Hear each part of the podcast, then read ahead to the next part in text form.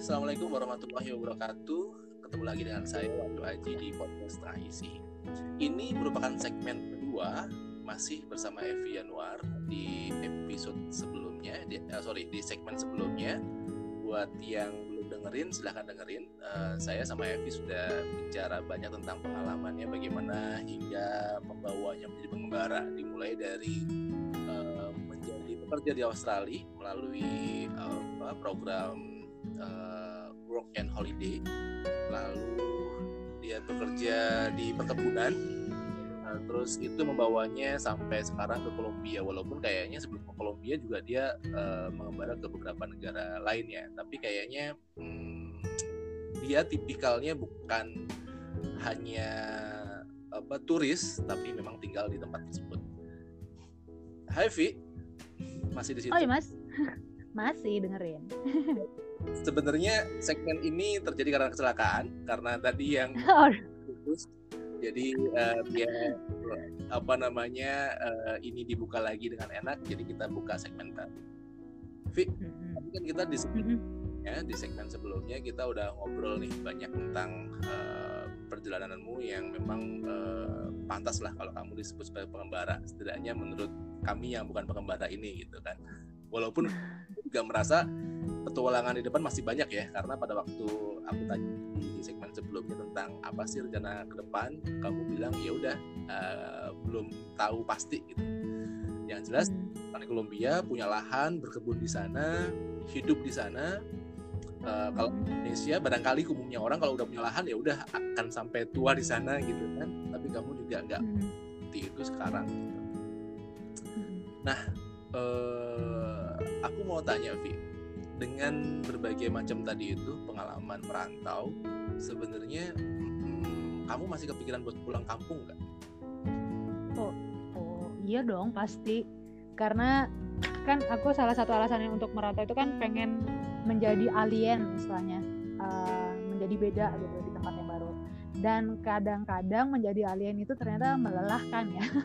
Jadi kok pengen banget tuh pulang kampung untuk apa ya jadi untuk grounded lah untuk bisa meras uh, balik ke tanah kelahiran biar bisa ngomong yang enak tanpa mesti mikir kayak gitu kan. Terus bisa makan yang enak tanpa mesti masak sendiri dan rasa yang dengan rasa yang otentik gitu.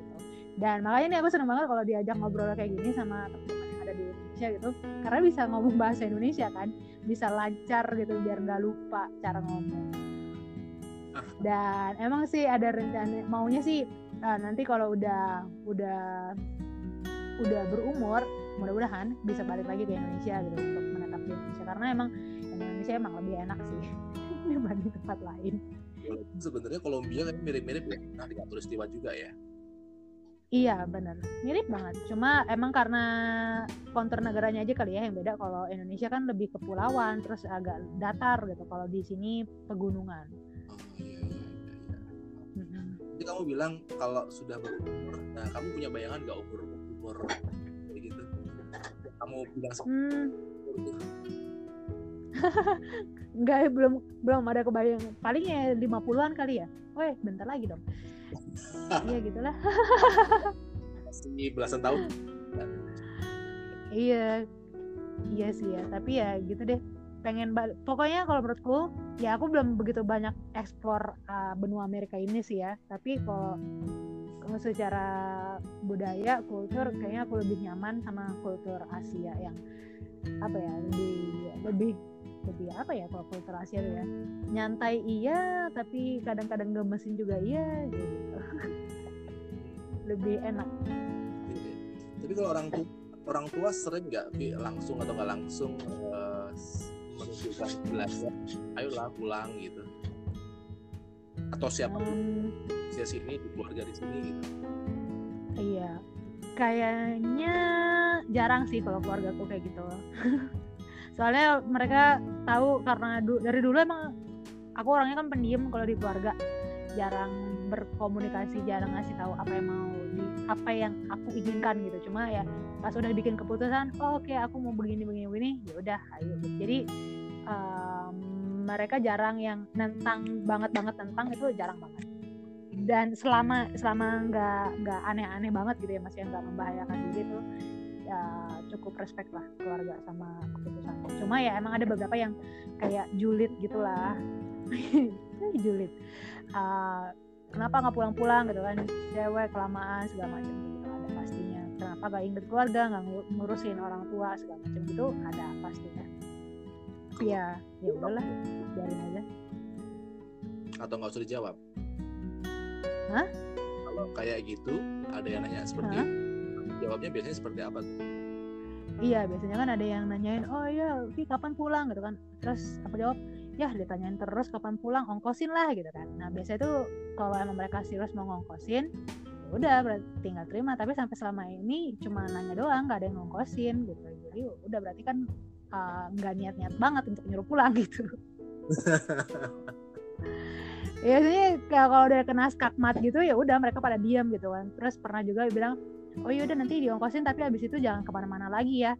Waduh nggak bisa lah gitu mendingan mendingan nunggu berapa lama lagi untuk pulang tapi ngumpulin duit sendiri dan uh, apa namanya keputusan ada di tangan gue gitu. Nggak nggak nggak mesti ngikutin omongan orang gitu. Iya iya iya iya. Kamu uh, kalau boleh tahu berapa bersaudara sih Vi? tiga. Saya aku anak pertama. Uh, adik-adik di Indonesia atau juga memiliki tipikal yang kayak kamu? Di Indonesia karena satu dan satu dan lain hal. Jadi mereka tidak bisa ke mana-mana. Sebenarnya uh, mereka ingin nggak kayak kamu juga?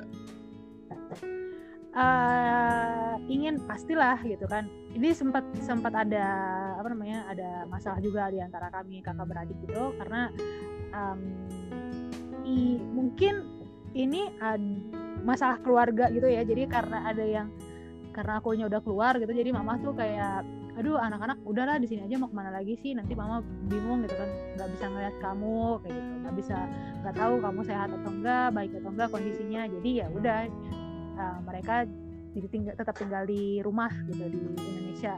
Dan ya mereka jadi apa ya kalau menurutku sih kayak merasa diriku curang gitu sih oh ini si kakak bisa ke sana sana tapi adiknya nggak bisa nih karena hal-hal uh, yang bikin mereka nggak bisa keluar gitu. Jadi ya sepertinya ada sih keinginan seperti itu sepertinya ya. Oh curang duluan kabur ya. iya, iya sih tapi ya itu sih balik lagi ke masalah awal ke value gitu kan ya ke value hidup gitu karena terus terang uh, uh, aku sama keluarga tuh value hidupnya beda gitu. Jadinya uh, bener-bener jomplang lah kalau bisa dibilang gitu. Kayak kemarin baru ngobrol sama mama tuh mikir oh ini beda banget nih kehidupan gue tuh nggak kayak gini banget gitu. Tapi ya ya udah mau gimana lagi? Cuma bisa saling nerima aja nggak bisa diapa-apain lagi. Value itu maksudnya gimana? Uh, apa kamu mendapatkan value yang berbeda tadi itu sudah sejak hmm. Uh, remaja misalkan atau setelah kamu merantau ini sehingga berbeda value-nya?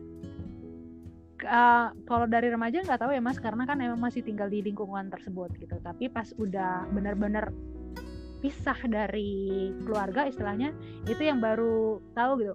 Oh ternyata yang gue pengen itu seperti ini gitu kan ya. Uh, contohnya lah ya ke keluarga gue kan um, uh, apa ya religius gitu dan aku enggak gitu. Dan kalau prinsipku ya udah uh, biarin aja lah orang nggak religius juga yang penting kan mereka uh, baik gitu. Dan kadang-kadang tuh di keluarga ataupun keluarga besar tuh nggak bisa seperti itu gitu kan ya. Harus sama seiman lah atau apalah gitu. Dan mungkin uh, mereka mikirnya Evi terlalu bebas gitu. Uh, jadi ya kadang-kadang tuh sempat pernah ada omongan aduh kayaknya nyesel ya nyekolahin kamu gitu kan. Jadinya bisa eh bukan nyekolahin sih maksudnya oh contohnya gini dulu kan aku belajar bahasa Spanyol tuh tahun 2010 atau 2011 gitu. Itu ya cuma karena pengen belajar bahasa asing aja gitu karena bahasa Inggris aku pikir oh aku udah bisa berkomunikasi dengan baik dalam bahasa Inggris gitu. Kenapa nggak belajar bahasa yang lain? Nggak ada tendensi apa-apa gitu kan terus kebetulan pasanganku juga orang dari yang uh, berbahasa asing gitu kan. Terus ada keluarga tuh yang bilang oh dulu sih pantesan ya kamu mau belajar bahasa asing ya karena kamu pengen um, karena kamu pengen punya pasangan orang asing gitu. Dan itu tuh sangat sangat salah gitu karena dari dulu sampai sekarang aku nggak pernah ngerjain sesuatu tuh karena uh, untuk menyenangkan orang atau untuk orang lain gitu. Semuanya tuh karena pengen untuk diri sendiri gitu. Dan itu satu. Uh, jadi kayak nggak di kayak usahaku untuk mem, mem, mem, mengembangkan diri untuk diriku sendiri itu nggak dilihat gitu. Terus yang contoh lainnya adalah karena aku kan perempuan dan di keluarga itu juga yang perempuan tuh ya tipikal Indonesia lah perempuan harus seperti ini di rumah. Kalau bisa usia usia segini harus sudah menikah punya anak gitu kan ya. Kalau ada karir juga jangan sampai ninggalin apa ke, ke anak gitu kan. Mesti bagi waktu hal-hal seperti itu. Dan aku mikir aku nggak bisa hidup seperti itu. Yang menurutku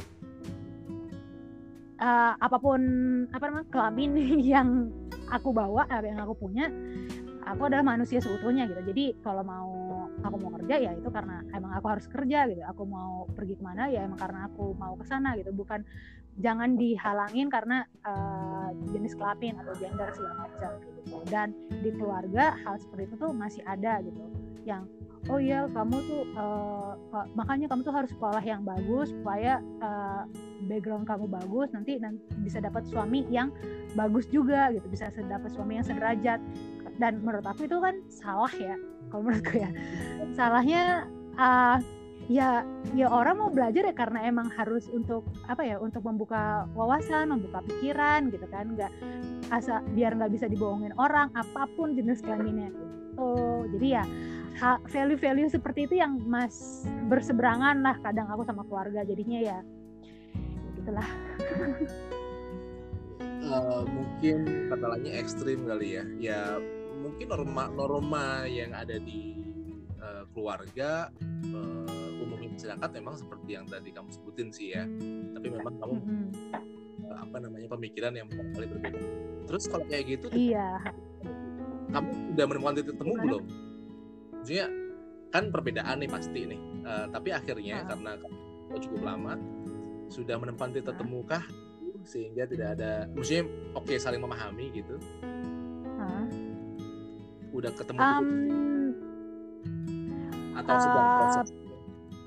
masih dalam proses sih kalau menurutku. Kalau aku sendiri sih ya udah udah terima aja lah masing-masing. Cuma paling uh, masih ada rasa ngedumel ngedumel gitu tapi ya nggak nggak bikin kacau gitu loh mas. Cuma paling yang bikin kurang nyamannya sekarang adalah saat uh, bukan keluarga inti gitu loh yang yang grassroots gitu yang uh, kayak apa ya ngasih tahu oh ya seharusnya kan dia seperti ini seperti itu gitu kan. Ya yang lain aja teman-teman seangkatannya udah bisa gini gini gini gitu kan. Padahal sebenarnya uh, kami sekeluarga ya mungkin nggak ada masalah apa-apa cuma karena ada orang luar aja yang ngomong jadinya uh, keluarga pikir oh iya bener juga ya atau, atau seperti itulah jadi ya masih ada mas, proses yang bakalan bakalan lama juga sih untuk benar-benar bisa saling menerima benar-benar menerima gitu agak lama iya, iya, iya. Hmm. Ya, uh, ceritanya ya hmm. rantau bukan berarti tanpa persoalan juga pasti kan. Oh iya uh, pasti risikonya gitu kan. Dan hmm, memang kebanyakan nyarinya kan nyaman ya Vi ya. Hmm. uh, kalau kamu nyari apa ya Vi nyaman juga dong. Iya yang lain kali ya. Iya sih nyaman juga. Atau mungkin aku juga mencari apa ya perlindungan biar bisa jauh dari uh, lingkungan yang tidak sepemikiran gitu maksudnya kan kayak kayak kemarin aku juga ditanya kan gitu kan ya. Uh, kenapa sih mau tinggal di tempat yang uh, desa banget gitu kan yang mesti semuanya dikerjain sendiri atau gimana gimana gitu kan. Terus aku mikir kayaknya malah tinggal di desa gini punya lahan sendiri justru inilah kebebasan gitu kan kebebasan diriku gitu. Yang bikin rumah kayak gimana bentuknya ya bebas gitu. Mau tidur malam bebas mau teriak-teriakan juga bebas karena tetangga nggak bisa dengar gitu kan karena jauh tetangganya. Terus mau nanam apa pun iya bebas gitu loh. Jadi ya kayaknya kebebasan sih mas yang bener yang aku cari gitu ya. Uh, tanpa harus ngikutin standar tertentu gitu. Kalau tinggal di tempat yang asing dari tempat asal kan biasanya orang lokal tuh mikirnya oh iya dia beda karena dia kan orang asing jadi nggak bakalan diusik gitu. Tapi kalau kita tinggal di tempat asal dan kita beda sama uh, kebiasaan di tempat asal tuh kan pasti uh, apa ya di dipergunjingkan lah atau di dibikin gak enak lah kayak gitu. Jadi uh, merantau ini bikin aku bebas gitu mau ngapain aja juga gitu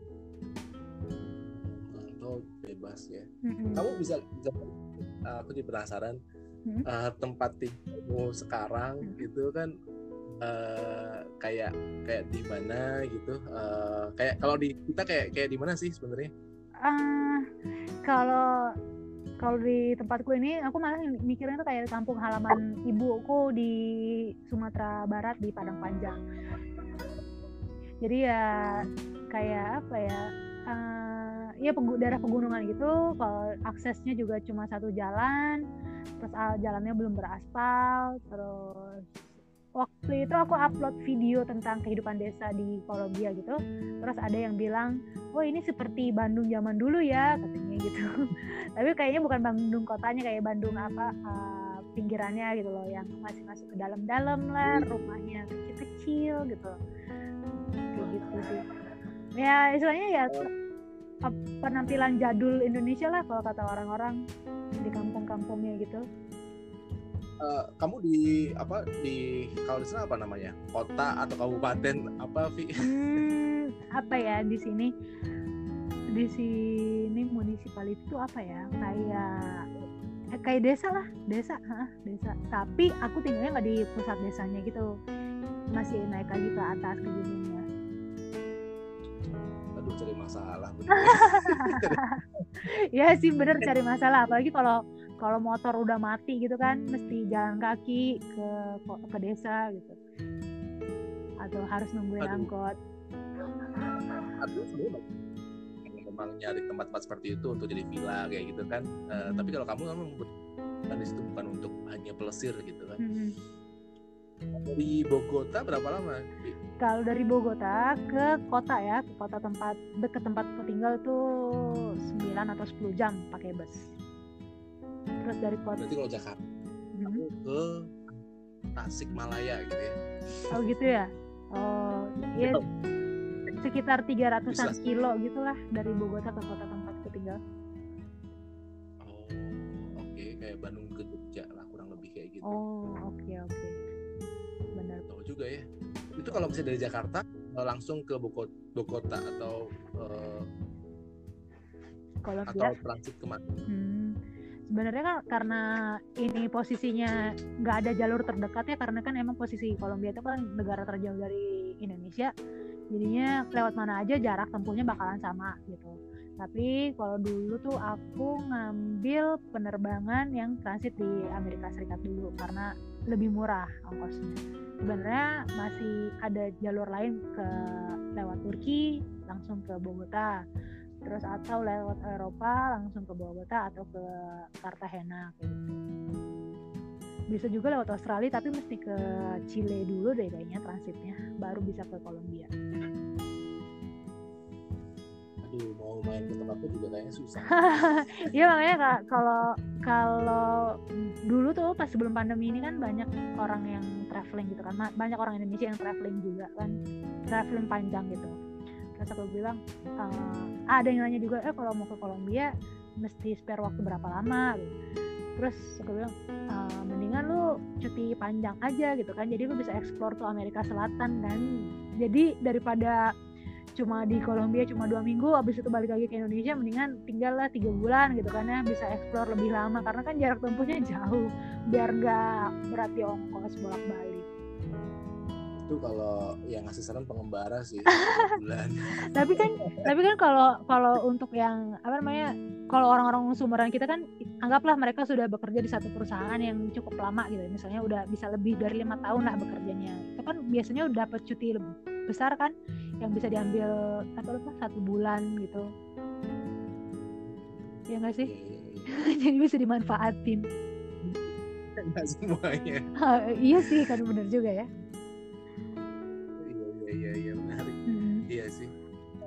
Aku belum pernah tahu nih kamu di mana sih Vi di ini tadi? Uh, jadi pernah iya maaf nih ya nggak pernah dikasih tahu karena karena kan orang Indonesia di sini tuh dikit. Jadi uh, kalau aku nyebutin kotanya tuh pasti bakalan ketahuan siapa di mana gitu kan. Karena bisa jadi aku satu-satunya orang Indonesia gitu kan. Dan hal itu aku nggak mau bagi ke ke ke publik gitu loh mas. Tak apa ya biar nggak ketahuan aja. Maksudnya kalau kalau private iya yuk gitu kasih tahu. Tapi kalau publik nggak aku kasih tahu karena alasan keselamatan dan privasi aja sih. Seperti apa yang uh, apa istilahnya menjadi dalam tanda kutip uh, jadi mungkin ancaman kalau disebutin? Um, ancaman sih kayaknya enggak cuma karena biar nyaman aja biar perempuan. Perempuan itu misterius mas. Enggak sih. Uh, ya sih ada alasan-alasan tertentu kayak keamanan juga biar biar uh, maksudnya juga nggak penting juga kan tahu aku ting exactly tinggal di mana gitu. Nggak penting kalau tapi kalau misalnya dalam kondisi maksudnya kalau dalam jur apa ya mungkin kalau ini disebut sebagai sebuah uh, informasi kan ah, orang bisa membayangkan. Tadi. Ah. lagi informasi uh, oh tempat iya tapi kayak gini nih ternyata tanpa oh, iya. nyari tamu di situ. Iya paling aku yang aku kasih bisa kasih tahu tuh aku tinggalnya di departemen itu provinsi ya. Di sini provinsi Baja de Cauca ibu kotanya tuh Kali dan kota Kali itu kota terbesar ketiga di Kolombia. Tapi dari Kali itu aku berapa jam ya? Tiga jam kayaknya. Jadi dari hmm. provinsinya itu provinsi Baje de Cauca. Uh, de, de uh, Cauca Valley. Lembah Cauca. Uh-uh. Baje de uh, dari Baje de Cauca ke kota Kali berapa kan jam? provinsinya tuh ibu kotanya namanya Kali gitu. Iya, oh. Oh, di, berarti di, kamu di ibu kota di ibu kota provinsi uh, enggak. itu ya? maksudnya dari kota Kali itu aku tiga jam lah perjalanan untuk nyampe rumah. Oh, Oke, okay. tapi di kota ya, lain ya, kota lain selain Kali ya? ya? Uh, kota Kali. Apa sebetulnya kabupaten okay. kali ya? Ha, kabupaten. Okay. Berarti kalau misalnya kamu kayak ya mungkin Jakarta Bandungnya tapi dari Bandung masih jam lagi gitu ya. Gitu. Ya, Oke, jadi um, uh, kamu menganjurkan nggak orang lain untuk merasakan merantau seperti ini? Kalau secara general sih, ya aku nganjurin orang untuk bisa coba deh sekali-sekali uh, keluar dari tempat tinggal kita yang selama ini kita tinggalin untuk dapat perspektif baru lah. Terus tapi kalau untuk secara khusus sih kan gak semua orang ya punya kesempatan untuk merantau jadi kalau emang buat yang pengen merantau dan selama ini sudah mempertimbangkan gitu ya udah jalanin aja gitu kan bakalan pengalamannya bakalan banyak banget gitu, yang bisa didapetin ya, ya. terutama bagi yang belum uh, uh. itu beda lagi ya aku nggak bisa uh. ngomong itu tapi aku kayak apa namanya uh, mungkin kayak kan temenku ada juga yang beasiswa kan uh, perempuan juga. Terus udah gitu pernah lah kami ngobrol-ngobrol gitu. Teman yang di Indonesia bilang wah kalau di negara ini uh, bisa ya kayaknya seru ya kalau dapat beasiswa di negara ini gitu kan ya. Dan kebetulan teman yang di Indonesia ini sudah punya anak dan dia perempuan. Terus aku sama temanku yang yang kebetulan lagi dapat beasiswa di Amerika Serikat itu nyaranin ntar deh lu kalau mau nyari beasiswa atau mau tinggal di luar negeri nanti aja kalau anaknya udah agak gedean gitu umur yang maksudnya pas anak udah umur bisa ditinggalin di daycare gitu. Soalnya kan uh, mau nggak mau sebagai seorang ibu tuh punya tanggungan kayaknya lebih ya walaupun se se se apa namanya walaupun suaminya ikut ngebantu tapi namanya juga ibu pasti tanggung jawabnya bakalan agak lebih besar dibanding seorang bapak gitu.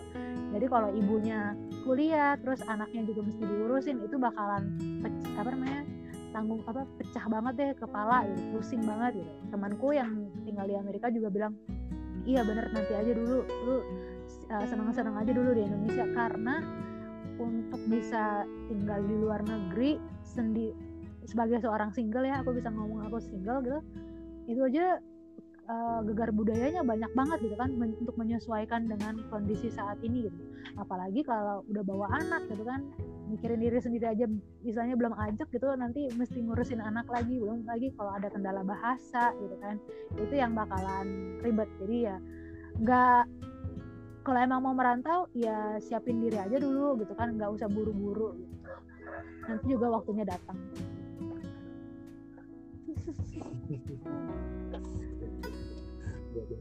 oh, tapi memang bener sih. Uh, uh, merantau itu penting banget ya. Jauh ataupun dekat gitu. Uh, um, ya barangkali kalau misalnya punya kesempatan yang mungkin ekstrim menurut kita ya kayak Evi juga bisa nyoba gitu kan. Atau mungkin nggak nyoba-nyoba lah. Coba juga kan. Serius iya. ya awalnya nyoba-nyoba ya tapi ya ujungnya jadi gini. Tapi emang emang sebenarnya yang aku bisa bilang sih um, kayaknya terlihatnya gampang atau gimana gitu kan ya. Manis ketawa-ketawa oh seru ya bisa ke sana ke sini tapi sebenarnya masalah yang kita hadapin di Indonesia gitu kan di tempat tinggal kita yang sebelumnya sama di tempat yang baru tuh bakalan sama aja cuma pindah lokasi aja sih. Nggak ada yang maksudnya ya mungkin kalau uh, kualitas hidup di negara lain mungkin bisa jadi lebih baik tapi masalah yang bakalan kita hadapin ya gitu-gitu aja. Nggak beda jauh. Kamu merasakan berbagai itu bukan turis tapi kamu living di sana gitu. Beda kalau turis ya senang-senang aja gitu kan. Apalagi pakai pakai uh, tour gitu walaupun nggak apa-apa juga itu juga bisa memperluas. Tapi kalau misalnya turis kan memang kita uh, lebih ke uh, kepuasan diri dalam waktu singkat kan bisa melihat-lihat jauh eh, terus uh, nambah-nambahin foto di Instagram kayak gitu kan. Iya buat refreshing ya. Refreshing sehingga uh, bukan masalahnya tapi kalau misalnya merantau waduh. Iya. aku lihat foto-fotomu di Instagram aja waduh luar biasa banget. Ada ya gitu. Oke, okay, Vi. Uh, ada lagi yang mungkin belum aku tanyain tapi kamu perlu sampaikan di sini? Apa ya? Ah, pokoknya kok um, ya gimana ya bilangnya?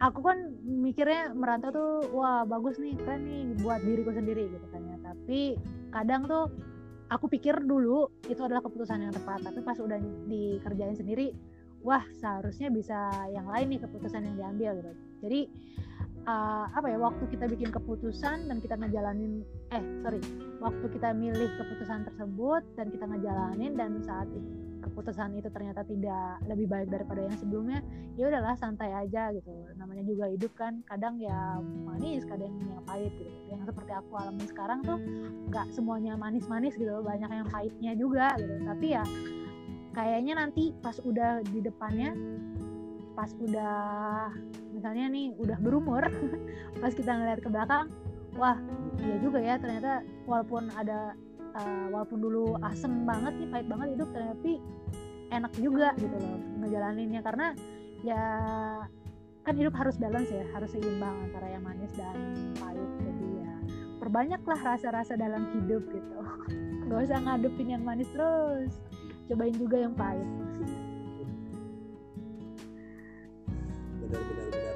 dan tadi ya sekali lagi semua itu benar-benar alasannya personal. Uh, dan kita capek kalau kita menjalankan sesuatu itu hanya karena untuk etalase ah, kita gitu ya. Etalase pengen buat orang uh, menampilkan sisi-sisi yang manisnya saja gitu kan. Bahkan mungkin sering kali ketemu sama orang ya uh, dia banyak pengalaman tapi jarang sekali menampilkan di etalase yeah. mukanya gitu. Uh, apalagi gitu sosial media ya. Tapi, uh, walaupun uh, apa sangat hormatlah pada teman-teman yang memang sangat update di sosial media. Tapi banyak aku uh, kenal dengan orang-orang yang pengalaman luar biasa hebat tapi mereka uh, tidak melakukan itu untuk etalasenya aja etalase diketahui orang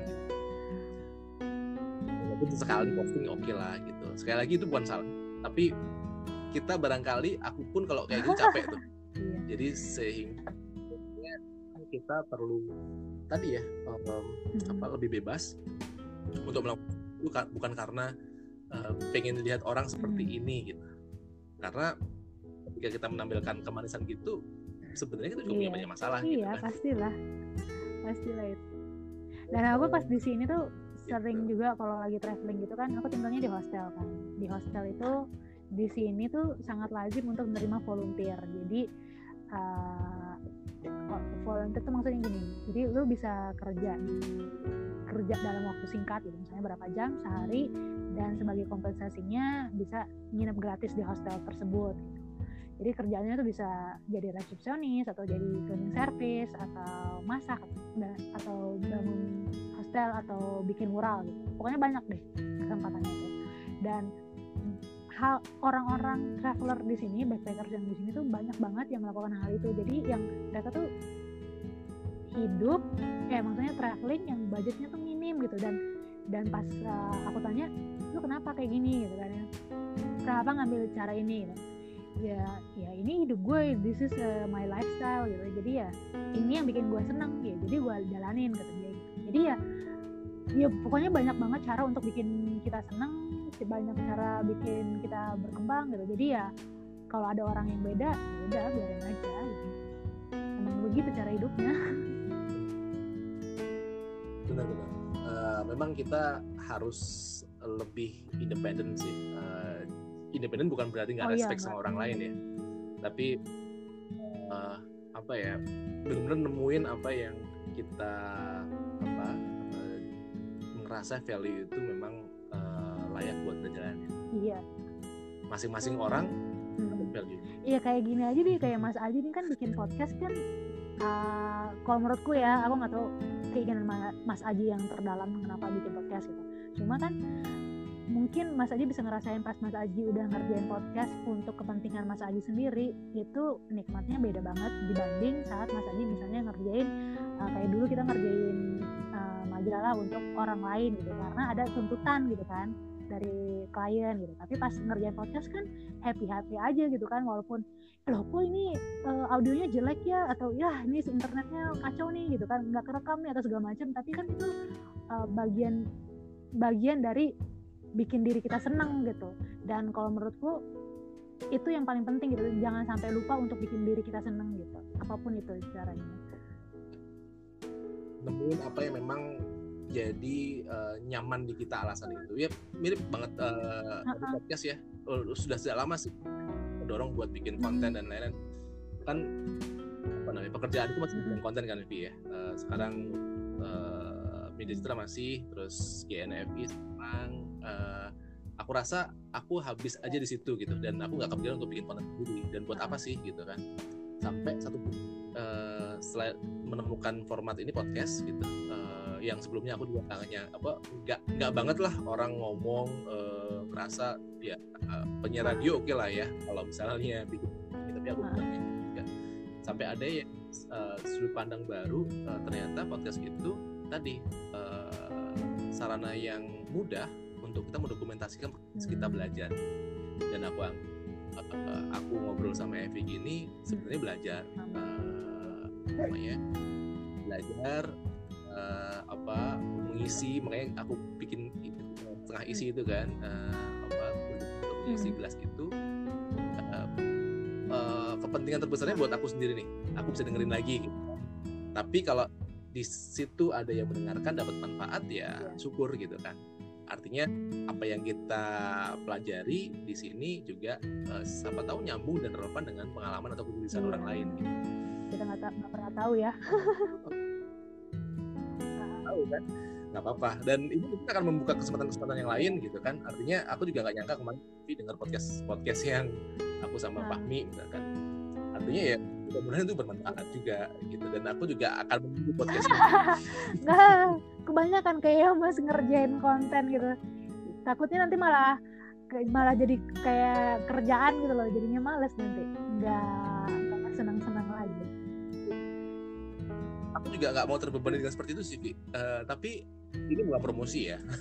Tapi itu kan sangat mudah banget. Dan uh, apa namanya sekali lagi tuh ya mungkin harus nemuin alasan sendiri sih yang kalau aku dokumentasikan uh, apa yang aku pelajari gitu. Dan uh, belajar adalah ngomong sama orang lain iya. kayak gini kan. Uh, dan itu teman-teman uh, yang aku pikir value-nya bagus. Uh, dan nggak harus yang memang sudah sangat apa selebritis untuk uh, diajak ngobrol gitu kan. Walaupun tidak nanti. Tapi itu jadi jadi nah, kayak kita tapi aku juga setuju. Kok, aku juga setuju sih mas. Maksudnya uh, kadang tuh orang yang cerita menariknya tuh malah bisa Halo. bikin lebih deket sama audiens gitu. Karena misalnya nih uh, apa ya hmm, kayak foto-fotonya uh, siapa Brooklyn yang Humans of New York atau JMB Akash gitu yang di Bangladesh gitu kan. Itu kan ceritanya cerita orang-orang pinggiran orang-orang kecil orang-orang uh, yang yang gak bakalan masuk ke istilahnya lambe turah atau apalah gitu kan ya. Tapi dari mereka tuh ceritanya tuh banyak gitu loh yang dan itu deket banget sama kehidupan kita gitu. Jadinya uh, lebih kadang-kadang hal-hal seperti itu yang dibutuhin orang biar nggak ngawang-ngawang gitu loh dan kalau menurut gue sih enaknya nih ya kalau di audio gini kan yang didengar kan suara ya. Dan Mas Aji punya apa namanya suaranya lumayan Mas. Udah apa ya cukup ber, ber bertutur. Apa namanya? Bertutur ya apa sih istilahnya kalau untuk orang yang punya suara bagus gitu. Mas nggak nggak nggak bosenin lah untuk didengar suaranya.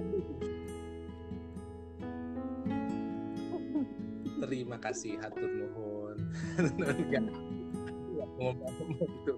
Karena memang uh, ya udahlah apa namanya uh, akhirnya podcast ini mengalir begitu saja uh, untuk benar-benar mendokumentasikan proses belajar. Dan belajar itu bisa dari mana pun kan kita baca buku terus kita uh, review lagi uh, terus kita ngobrol terutama ngobrol sih uh, dan saat-saat seperti ini kan uh, aku sering kali kayak gini Vi nelfon sama gitu ya dan ngobrol panjang dan banyak hal-hal menarik. Tapi kalau telepon kan sayang kan nggak bisa direkam kan. Kalau ya, ngerekam pun kadang-kadang juga menemuin handphone kan. Jadi sebenarnya sama sama hmm. lain kita sebenarnya anggap aja aku nelfon kamu hmm. dan kita ini gitu kan. Eh, nggak uh, menemukan dan bisa juga didengar orang lain. Mudah-mudahan itu juga bermanfaat gitu. Siapa tahu nanti akan mau ke Hai. ke kali. Ke kali kalau kali sih. ya, ditungguin di sini iya ya. segmen kedua Jadi, kita kejauhan nih kayaknya. mudah-mudahan gak ngomongin. masih banyak. Enggak. Iya soalnya kita gak kenal ya mas. Takutnya kan pendengarnya ini kok asik sendiri nih mereka ngobrolnya ya. Mudah-mudahan mudah-mudahan. Uh, karena rasanya juga banyak yang merindukan untuk merantau sebenarnya. Atau mungkin uh, merasa merantau dan keputusannya mungkin jadi aku kok merantau jadi susah gitu. Mungkin uh, mudah-mudahan dengan kita ngobrol-ngobrol seperti ini juga bisa dapat sudut pandang lain. Dan tadi kalau misalnya kita mengalami sendiri harus ke Kolombia harus ke mana-mana hmm. barangkali kita juga barangkali belum sempat gitu. Dan nggak mungkin sempat. Kayak gini kan kamu kayak mewakili kami untuk membukakan cenakawala bagaimana uh, apa ya tadi berpetualang merantau dan memilih jalan lain karena perantauan yang kita sering bayangkan dalam normal itu kan yang belajar bekerja yang tempat-tempat yang memang oh, waduh ini di pekerjaan iya. multinasional yeah. banggakan Indonesia bla bla bla gitu benar-benar uh, teman-teman kita yang uh, asik gitu atau mungkin memiliki kehidupan yang yang yang apa ya mem, iya. menurut orang lain nggak kebayang gitu seperti hmm. halnya uh, Evi sekarang kalau kan kunjungi Instagramnya iya, Evi lebih ya, uh, apa dan di WordPress juga ada mudah-mudahan juga diisi sama Evi dan hari ini 27 Oktober. Oh iya kan? Hari, hari blogger nasional. Wow, oke okay deh. Nulis A. Selamat Hari Blogger Nasional. Jadi Hari Blogger sekarang itu untuk oh, sarana gitu. nanya apa oh, kabar ya blogmu sekarang. Bener. Pas banget lagi. Aduh. Oke okay deh. Terima kasih Oke. banyak Mas Aji untuk kesempatannya. Terima kasih banyak Terima kasih Kamu. sudah bertanya. Mungkin ini juga uh, buat orang-orang yang merantau gitu hal hal-hal seperti ini juga kayak apa ya kayak sebagai bentuk perhatian gitu loh dari uh, teman-teman dari teman-teman yang teman-teman kita dulu di tanah apa namanya di Indonesia gitu. Jadi apa ya merasa nggak sendirian. Karena emang banyak banget sih uh, kayak waktu beberapa waktu yang lalu tuh aku upload uh, di di WordPress bilang aku aku tidak baik-baik saja. Karena emang kondisi mental uh, kesehatan mental tuh lagi nggak baik dan ternyata banyak respon dari teman-teman yang merantau juga merasakan hal yang sama. Jadi ya makasih banyak Mas Aji untuk obrolannya jadi aku merasa tidak sendirian dan merasa apa ya asik aja diajak ngobrol Amin. Kita selalu dekat lah, Mudah-mudahan dengan teman. Terima kasih ya, Uh, selamat apa nih? Udah mau siang jam 8 yeah. setengah 9 di sana. Tapi di sini kita mau Selamat istirahat Mas jam setengah 9 malam. keluarga.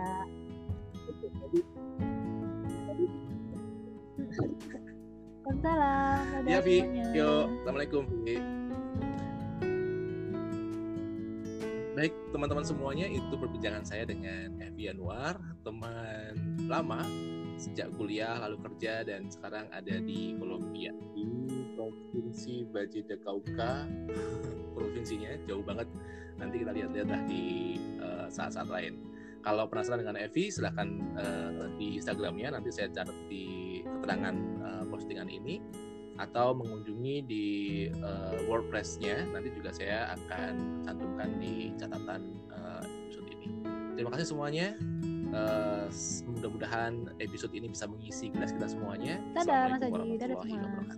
Dadah Evi.